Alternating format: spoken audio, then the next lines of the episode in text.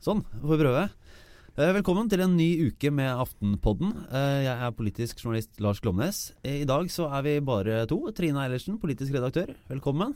Takk, takk. Klar for å få snakke dobbelt så mye. Ja, fordi nå har vi skifla Sara ut til et eller annet slags internseminar. Kultur har eh, seminar. Ja.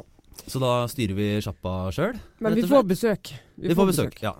Eh, fordi vi får besøk etter hvert av eh, økonomiredaktør Ola Storeng. Mm -hmm. kjempeflott fyr, veldig kunnskapsrik, som har vært i Sandefjord denne Mm. uka. På Sandefjordkonferansen. Ja. Den store oljenærings-happeningen. der de ser inn i glasskula og eh, klapper hverandre på ryggen eller et eller annet. Ja, Det trenger de. De trenger i hvert fall å klappe hverandre kanskje litt på kinnet. Oljeprisen har nå ligget under 30 dollar i flere dager, og det, det er de opptatt av. Og det skal vi snakke litt om hva Ja, det betyr. De kan eh, smeike hverandre litt sånn vart på kinnet og si at det kommer til å gå bra. Ja. um, jeg, vi har vært litt ute og, og svingt oss begge to. Jeg kommer jo, uh, om ikke rett fra, så i hvert fall uh, har jeg denne uka vært på et, uh, et, et, en, en samling som får Bilderberg-konferansen til å fremstå som eh, åpen og, og eh, Inkluderende. inkluderende. Eh, et av det som har blitt etter hvert et litt sånn mytisk lutefisklag, arrangert av eh, statsminister Erna Solbergs eh, statssekretær og spinndoktor Sigbjørn Aanes. Uh, han var jo på besøk i Aftenpodden også i, uh, det blir i fjor sommer, nå som vi har fått et så langt liv. Eh, og det er jo da Det er kjent og til dels beryktet, eh, fordi det bl.a. da er, eh, er, er sammensatt bare av menn. Eh, Ja. og ja, du mener jo Mener du at det er verre enn Bilderberg, Trine? Nei, jeg, jeg har jo ingenting vondt å si om Bilderberg. nei, det, nei altså, ja, så, det er strengt tatt sånn sett en, en svak sammenligning. Der var vi jo i det minste to kjønn til stede. Uh, mens uh, Sigbjørn nå velger å lage et uh, rent mannemøte mellom eh, journalister, politiske rådgivere eh, Hvem andre morsomme mennesker var som var der? Uh, det er litt, uh, litt forskjellig. Det er litt naboer og litt sånn eh, næringslivs eh, Gamle kollegaer og, og andre. Og Det er jo en eh, Regissøren i Mammon eh, var, eh, ja, var vel der. Ja. jeg, jeg tror egentlig Det er på en måte Det er jo selvfølgelig som alle sånne litt sånn dystre selskaper, så er det jo egentlig da en slags hemmelig gjesteliste og et slags sånn referat Om ikke forbud, det kan det jo ikke være. Men, men Sitat forbud, eller ikke forbud, men sånn underforstått at vi siterer ikke fra andre settinger Og det, det er jo vi, det, det er jo helt Sånne settinger er vi jo i. Ja. Eh, Men jeg, jeg, jeg er jo for åpenhet, jeg, da, så hvis jeg svarer på, på spørsmål om hvem som var der, så skal jeg snakke i vei. Altså. Det, er ikke, det er ikke sånn. Men er du For det er jo et, det er jo et dilemma, og jo, det er jo et dilemma også for, for oss. Fordi eh, det er jo da et uh, sånn selskap der det er mange interessante mennesker å snakke med. Eh, men så er det jo sånn at mer eller mindre tilfeldig så kan jeg da bli invitert, mens min gode kollega Karen Kjernshaugen, som jeg jobber masse med, eh, er jo da ikke invitert, eh, Mm. rent på bakgrunn av at hun er kvinne. mm. Eh, så det er jo noen, eh, det er noen litt sånn vanskelige avgjørelser på om man skal eller ikke. Nå er jo du ikke min sjef, sånn formelt, siden du er politisk redaktør og jeg er styrt av eh, nyhetsredaktør Håkon Borud. Men mener du at det er måte, feil eller riktig å gå? Nei, altså, jeg, jeg mener jo jeg Skal ikke jeg bruke ordet prinsipielt, for jeg tror ikke jeg passer her. Men, men jeg mener jo at vi skal jo være på så mange arenaer eh, som mulig, vi som er journalister eh, og redaktører. Eh, være ute og møte folk og se hva som skjer. Eh, så jeg syns det er helt greit å være der. Eh, jeg syns eh, den Hun Og har jo kommentert sterkt eh, denne type kjønnsdelte arrangementer før. Jeg syns det er utrolig gammeldags. Jeg syns det er en veldig rar måte å, å tenke på. Eh, og jeg skjønner ikke hva helt utbyttet er når du skal samle folk med, egentlig med utgangspunkt i en rolle de har. Eh, at ikke du da tar utgangspunkt i nettopp det, i at folk har roller, eh, og ikke hva kjønn de har. da. Men det er noe, det har jeg nevnt eh, så vidt for uh, Sigbjørn Aanes når jeg har møtt ham. så jeg tror ikke jeg tror ikke han er i tvil om det.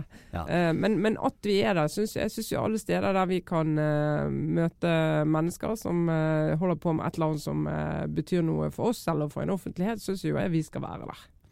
Og jeg kan si sånn, sånn som vi da har, har lyst til at jeg er der, er at jeg skriver jo det da selvfølgelig som jobb. Skriver over overtid du på det, da? Ja, i hvert fall. Det det tar igjen noen timer. Men for jeg tenker at, at det da er eh, At eh, det er nyttig å være der. Og når man har muligheten til å, å se det, så bør man gjøre det. Men det skal heller ikke være noen tvil om at man er der som journalist. Eh, ikke som en slags eh, Venn. venn, eh, sånn at eh, man betaler for sin egen mat og sin egen eh, drikke om man vil ha det, og, Mm. og er der på, på jobbens tid og en prioritering fra, fra arbeidsgiver. Da. Ja. Men eh, det har jo etter hvert blitt en litt sånn større ting og vært omtalt i, i flere medier. Eh, hva tror du som altså, hva er, måtte, Hvordan fungerer en sånn ting for de som arrangerer det? For det, det har vel starta som en slags sånn vennemiddag, men det er jo ingen tvil om at det nå er en del av en, en, et arbeidslivs... eh, En, altså en, en profesjonell setting, da. Ja, altså det, det er jo en, en form for nettverksbygging, for å et litt sånn eh, kleint uh, ord. Uh, hvor man ved å møtes i den type sammenhenger, så senker man terskelen for å ta kontakt i arbeidstiden, og for å ta telefonen når en person ringer, og for den har du møtt i en hyggelig sammenheng. Og, og det er vi altså, det er jo litt derfor vi går i den type settinger. Jeg, når jeg går på NHO årsmiddag, eller hvis det er Norges Banks årsmiddag, som er egentlig et fantastisk sånn utgangspunkt for å møte kilder som du ellers kanskje, kanskje ikke har veldig lett tilgang på. Eh, så får du vekslet noen ord med det. Eh, når jeg var på Norges Banks eh, årsmiddag, så har jeg aldri kommet hjem med færre enn fire gode ideer eller fire gode saker som jeg eller andre i redaksjonen kan gå videre på. Og, du, og du møter folk som gjør at når du tar kontakt med dem, så er de lettere for å, for å snakke med deg. Da. Det er jo sånn det fungerer. Eh, og det er klart at for, eh, for eh, statssekretæren på SMK, som lever av at journalister forholder seg til han, og han eh, skal kunne ta kontakt med de, og de skal ha tillit til det han sier, og vice versa. Eh, så er jo det der å skape en litt sånn semipersonlig relasjon er nok eh, Styrker jo hans eh, mulighet til å gjøre en god jobb. Ingen tvil om det. Men hvis, hvis eh, mediene og, og i og for seg Aftenposten eller vi er, tenker prinsipielt at, det at det er problematisk at det da bare er menn, ikke, ikke også kvinner, så kunne man jo ha gode grunner til å argumentere for det. Okay, men da bør man bare unnlate å gå. Bare boikotte hele greia og si at eh, vi mener at dette er en så uh, problematisk tilnærming at, uh, at våre ansatte og, og vi mener at media da ikke bør være der. Mm. Ja, det, det, jeg, jeg, jeg følger det på, på, på den eh, muligheten. Og så eh, mener jeg likevel at uh, det må være opp til den enkelte journalist i denne sammenhengen å kjenne på om de syns at det blir helt rart, at de rett og slett ikke kan stå inne for det. Eller om det er, som du sier, å tenke jobb. Altså Det er ikke du som privatperson som går der og på en måte legitimerer et kjønnsdelt arrangement. Det er, du er der på jobb og ser hva som, eh, hva som foregår, ta det med deg tilbake igjen til redaksjonen. Det syns jeg veier tyngre, da. Men øh, du har jo også vært ute i den store verden, litt lenger unna. Vært på kurs, du var ikke med forrige uke. Nei, jeg var ikke det. Jeg var i Pittsburgh, Pennsylvania i USA. Det er en del eh, som vi En del av lederutviklingen i Skipsted-sfæren. Så det var både jeg og Hanne Skartvedt fra VG, faktisk. Helle Solberg i VG, Hilde Sandvik fra BT. Dette var ikke et rent kvinnearrangement? Det var det ikke. Det var 25 andre òg. Det er en god miks av folk som jobber med marked, eh, lesermarked, redaksjon. Og vi skal lære oss å komme opp på et litt høyere kompetansenivå digitalt, rett og og Ja, det er slett. bra, Trine. Setter jeg pris på. hva som skjer? Ja, så jeg sier det avansert EDB, EDB valgfag. Litt mer enn det. Så det er um, Altså, vi er en sånn tid i bransjen, da, eh, hvor eh, vi har erkjent at eh, denne forståelsen for eh, den digitale utviklingen og denne her eh, store The Second Machine Age, som, eh, som en bok som heter, som jeg for så vidt anbefaler mange å lese. Han McAfee som var med og skrev den, snakket på NHO-konferansen, og den forteller egentlig veldig mye om ikke bare om mediebransjen, men om alle bransjer og den, hva digitaliseringen vil bety for oss, hvor fort det går akkurat nå. Eh, og Hvis du er på ledernivå eller ansattnivå egentlig i et eh, mediehus og har forståelse for de store tingene som skjer der, så gjør det oss eh, i stand til å ta bedre beslutninger. da. for å bruke en sånn eh, formulering, Lars, som jeg Ja. ser at du smiler av. Eh, og det skal du få lov til. Nei, jeg synes det er fint. Det er sånn eh, management speak.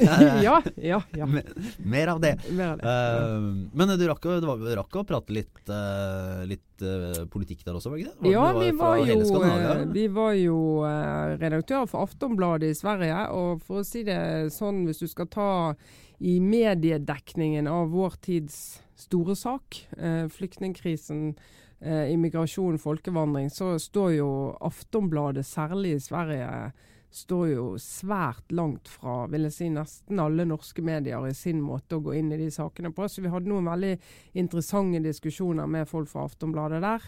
Eh, som handlet både om eh, hvordan denne eh, festivalen i Stockholm ble dekket, hva vurderinger man gjorde, i hva grad det er riktig å oppgi etnisitet når det blir eh, begått et overgrep eller en voldtekt eller en kriminell handling, annen kriminell handling.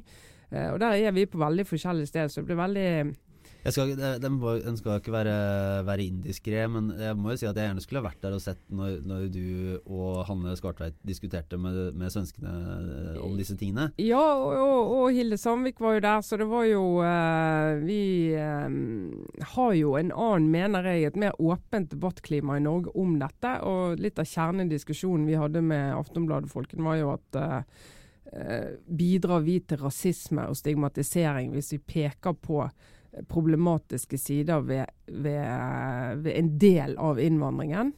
Eller er det nettopp det som gjør at vi greier å isolere noen problemstillinger, få en del innvandrergrupper selv til å ta tak i de, og til å prøve å finne tiltak? Eh, vi mener jo det siste. I Aftonbladet så er de, de mener f.eks. det er helt, helt opprørende hvis du noen gang skal oppgi etnisitet til en uh, overfallsvoldtektsmann, f.eks., som uh, gjentatt uh, ganger begår uh, voldtekt i en by som Oslo. Ok, bare, nå, nå lanserer jeg en idé her og nå. Kan vi ikke prøve å få noen av disse redaktørene hit? Kan, kan, eh, til eh, vårt lille Aftenpodden-studio en dag. Vi, vi, Det syns jeg vi skal jobbe for, Trine. vi, det, det er en interessant debatt, for det er mye som ligger bak eh, at vi har havnet der vi har havnet og har så forskjellig syn på det. Så hvis vi skal se sånn eh, konsernfaglig på det, så får jeg i hvert fall si at jeg kan si mye om Skipsted, men eh, sånn eh, entydig profil på innhold og ståsted, det har vi jo ikke, da.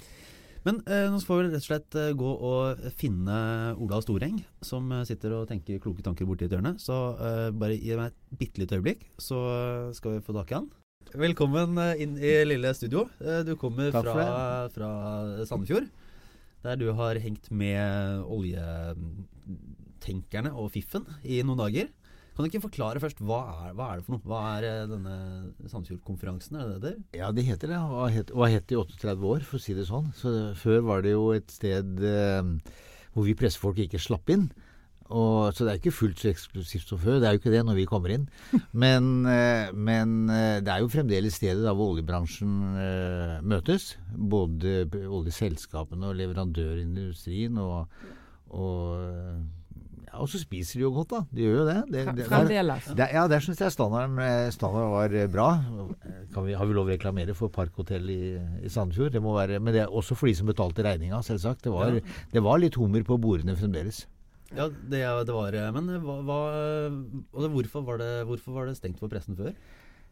Nei, det var jo så hemmelig, da. Altså, Det var vel så viktig at ikke vi skulle være der. Men etter hvert så har man jo mer og mer skjønt at eh, eh, hvis du skal være en stor og viktig næring, så må du jo ha det må være en viss samklang om du kan si, mellom hva som skjer i de indre rom og i de ytre rom og ut i, ut i folket. Og, og da, ja, da er det et tegn i tiden da, at de slipper inn oss. Men hva, hva, hva skjer? Er det, må det, må det, er det foredrag og møter, eller er det debatter, Ja. eller er det Det, det, er foredrag, er for, det er foredrag, ikke møter. Det er foredrag og uh, debatter. Ofte veldig flinke folk. Det er også slik at uh, det er jo nesten en slags rituell markering av hva Norge og oljeindustrien er. Altså Olje- og energiministeren må være der. Altså Det fins ikke gyldig fraværsgrunn verken for han, og i hvert fall i år heller ikke for konsernsjefen i, uh, i Statoil. Men så eh, Ja, siden dette er Norge, så er jo selvsagt da LO der. Eh, sammen med Arbeidsgiverforeningen på olje og gass, og, eh, og norske politikere, særlig de som sitter i, i energikomiteen på, på Stortinget. Og, og de, det, er en, eh, er en gjeng som har det godt sammen. Men uh, hvor, hvor, godt har de det sammen også når, når oljeprisen uh, bikker under 30 dollar fatet? Altså, hvordan var stemningen? Er det, er det krise og, og tenners gnissel, eller hvordan ligger det an? Jeg, jeg, vil si at den er overraskende positiv og god, og det tror jeg ikke bare skyldes uh, serveringen. Uh, som noen sier, vi har jo vært med på dette her før. Konsernsjefen i, Eldar Sæter i Statoil, han så ut til forsamlingen og så det er mye grått hår. Så han sa at jeg trenger vel ikke her å minne om hvordan det var i 1986. Og Sætre har jo selv vært med siden 1980. Vi har jo hatt 10 dollar oljepris i 86 og 98. Så det man uh, trøster seg med, er jo at uh, oljeprisen og oljenæringen er veldig sykliske, som de sier. Altså det går i store bølger uh, opp og ned. Man investerer for mye i gode tider, og så får man en kjempesmell etterpå. Og før har de alltid gått bra. Og oljenæringen har jo stor tro på at det skal gå bra denne gangen òg, at vi kommer opp til litt mer eh, normale tilstander. Men der var det jo avvikende syn, da. Det må sies. Men det, det minner jo litt, nesten litt om eh, mediebransjen. Eh, altså Vi drev jo med sykliske, syklisk, et syklisk liv eh, helt til vi innså at vi er inne i en svær strukturendring. Altså Det er ikke bare konjunkturer og annonseinntekter som kommer og går. Nå er vi inne i en endring som er mye mer alvorlig enn som så. Ja, Det er liksom poenget. da. Man må lære seg ordene syklisk. Det som går opp og ned og blir bra igjen etter hvert. Og det som er strukturelt, hvor man ikke helt ser Hvor man ikke kommer tilbake til gamle dager. Og der tror jeg nok faktisk oljeindustrien kunne ha en god del å lære av medieindustrien. La oss skryte av vår egen, uh, vår, vår egen mediebruk. Ja, Skipsted. Ja. Vi, har, vi har altså kutta på topplinjen, som det heter så fint. Det betyr inntektene på kall det 15 år. Og det finnes jo nesten ikke andre bransjer hvor bedrifter da overlever. Men vi har jo kuttet kostnadene, vi. Skipsted tjener penger, og Aftenposten gjør ikke så verst heller. Så vi kan jo lære noe om utholdenhet i omstilling. Men hva er det som hvis, hvis, hvis, dette skal, eh, hvis det skal gå bra, da, for å si det på den økonomiske sida for, for norsk oljebransjen, hva, hva, er det som da må skje? Altså, hva, hvordan fungerer de mekanismene? Ja, eh, altså på, på, kort sikt så, så må, kan ikke oljeprisen bli liggende på 30 dollar eller under i mange år uten at det kommer til å få svært dramatiske eh, virkninger. Så oljeprisen eh, må jo opp igjen, og den vil jo komme opp igjen. Det store spørsmålet er om den vil komme opp til noe vi kan leve med. Og Der er jo problemet at Norge får jo eh, større konkurranse enn før av eh, produsenter i andre deler av verden. Skiferrevolusjonen i USA, som har gitt en produksjonsøkning på 50% på fem år. Og så er det jo uendelig med billig olje i bakken i Midtøsten.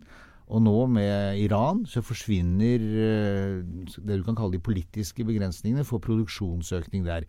Noe av det samme gjelder jo Irak, som også har har eh, store reserver. Og så er det da det du kan kalle fornybar eh, revolusjon. Det er jo mange som virkelig er slått av at uh, investeringen der øker raskere enn nesten noen har forutsatt. Så da spørs det da hvordan blir det å være oljeprodusent nær Nordpolen og langt til havs.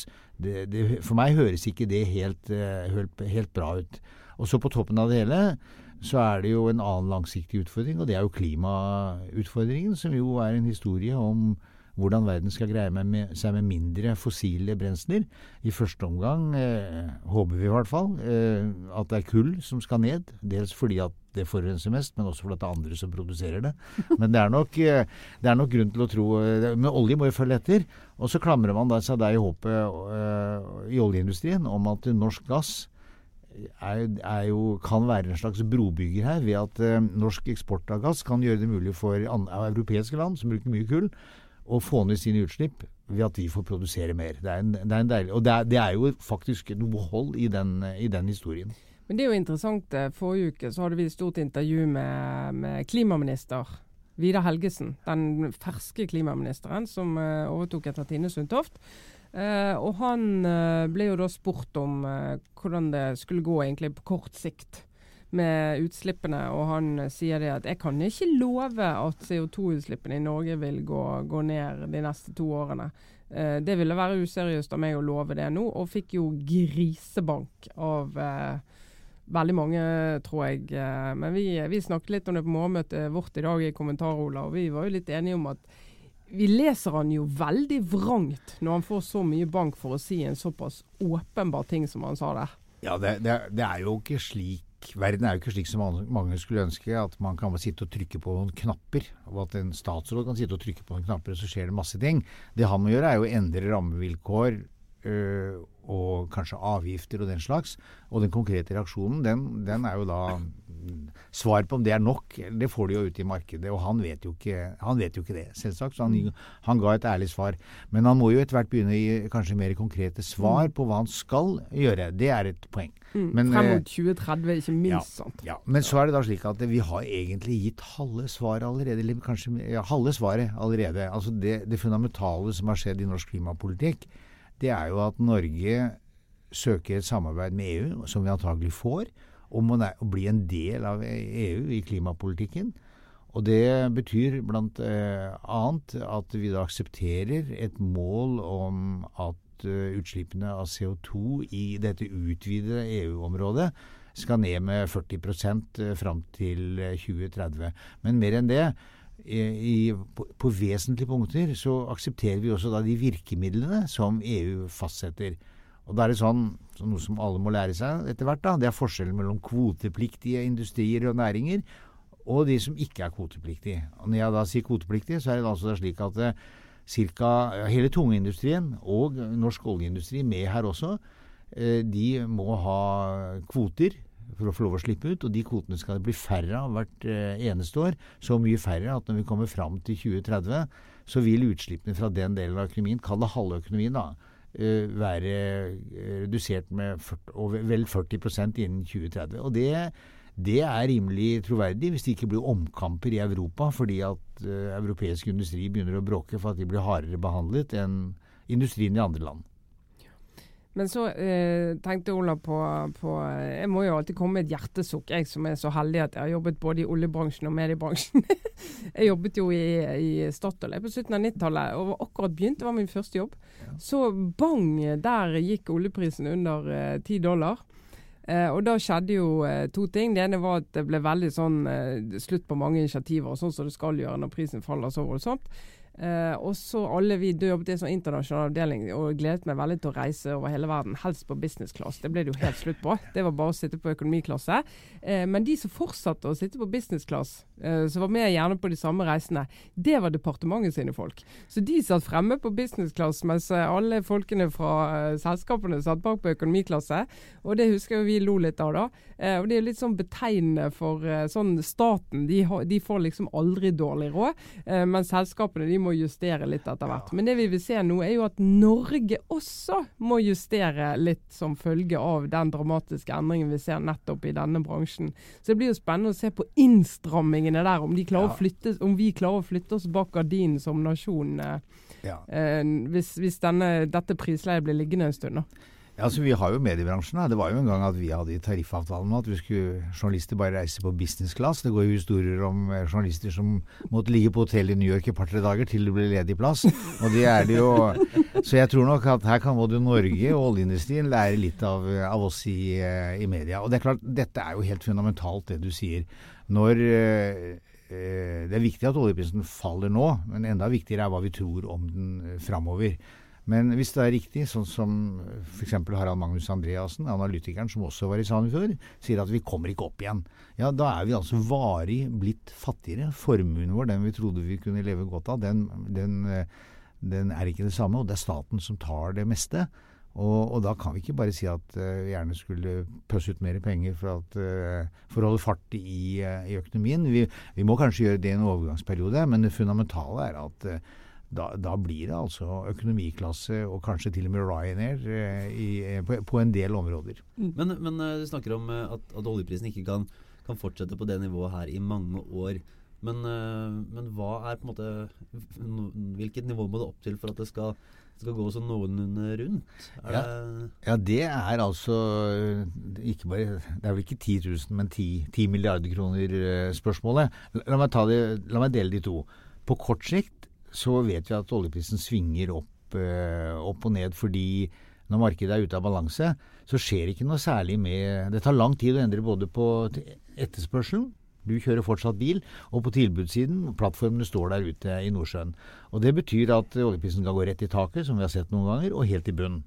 Men i det lange løp så vil det jo være sånn at øh, hvis ikke produksjonen øker, så jo øh, Så blir det oljemangel og kjempeetterspørsel. Og da kan det kanskje gå i taket igjen også, men i et sånn langt perspektiv da, så må oljeprisen være stor nok, høy nok, til at øh, det blir lønnsomt å produsere så mye olje som, for, som verden vil ha.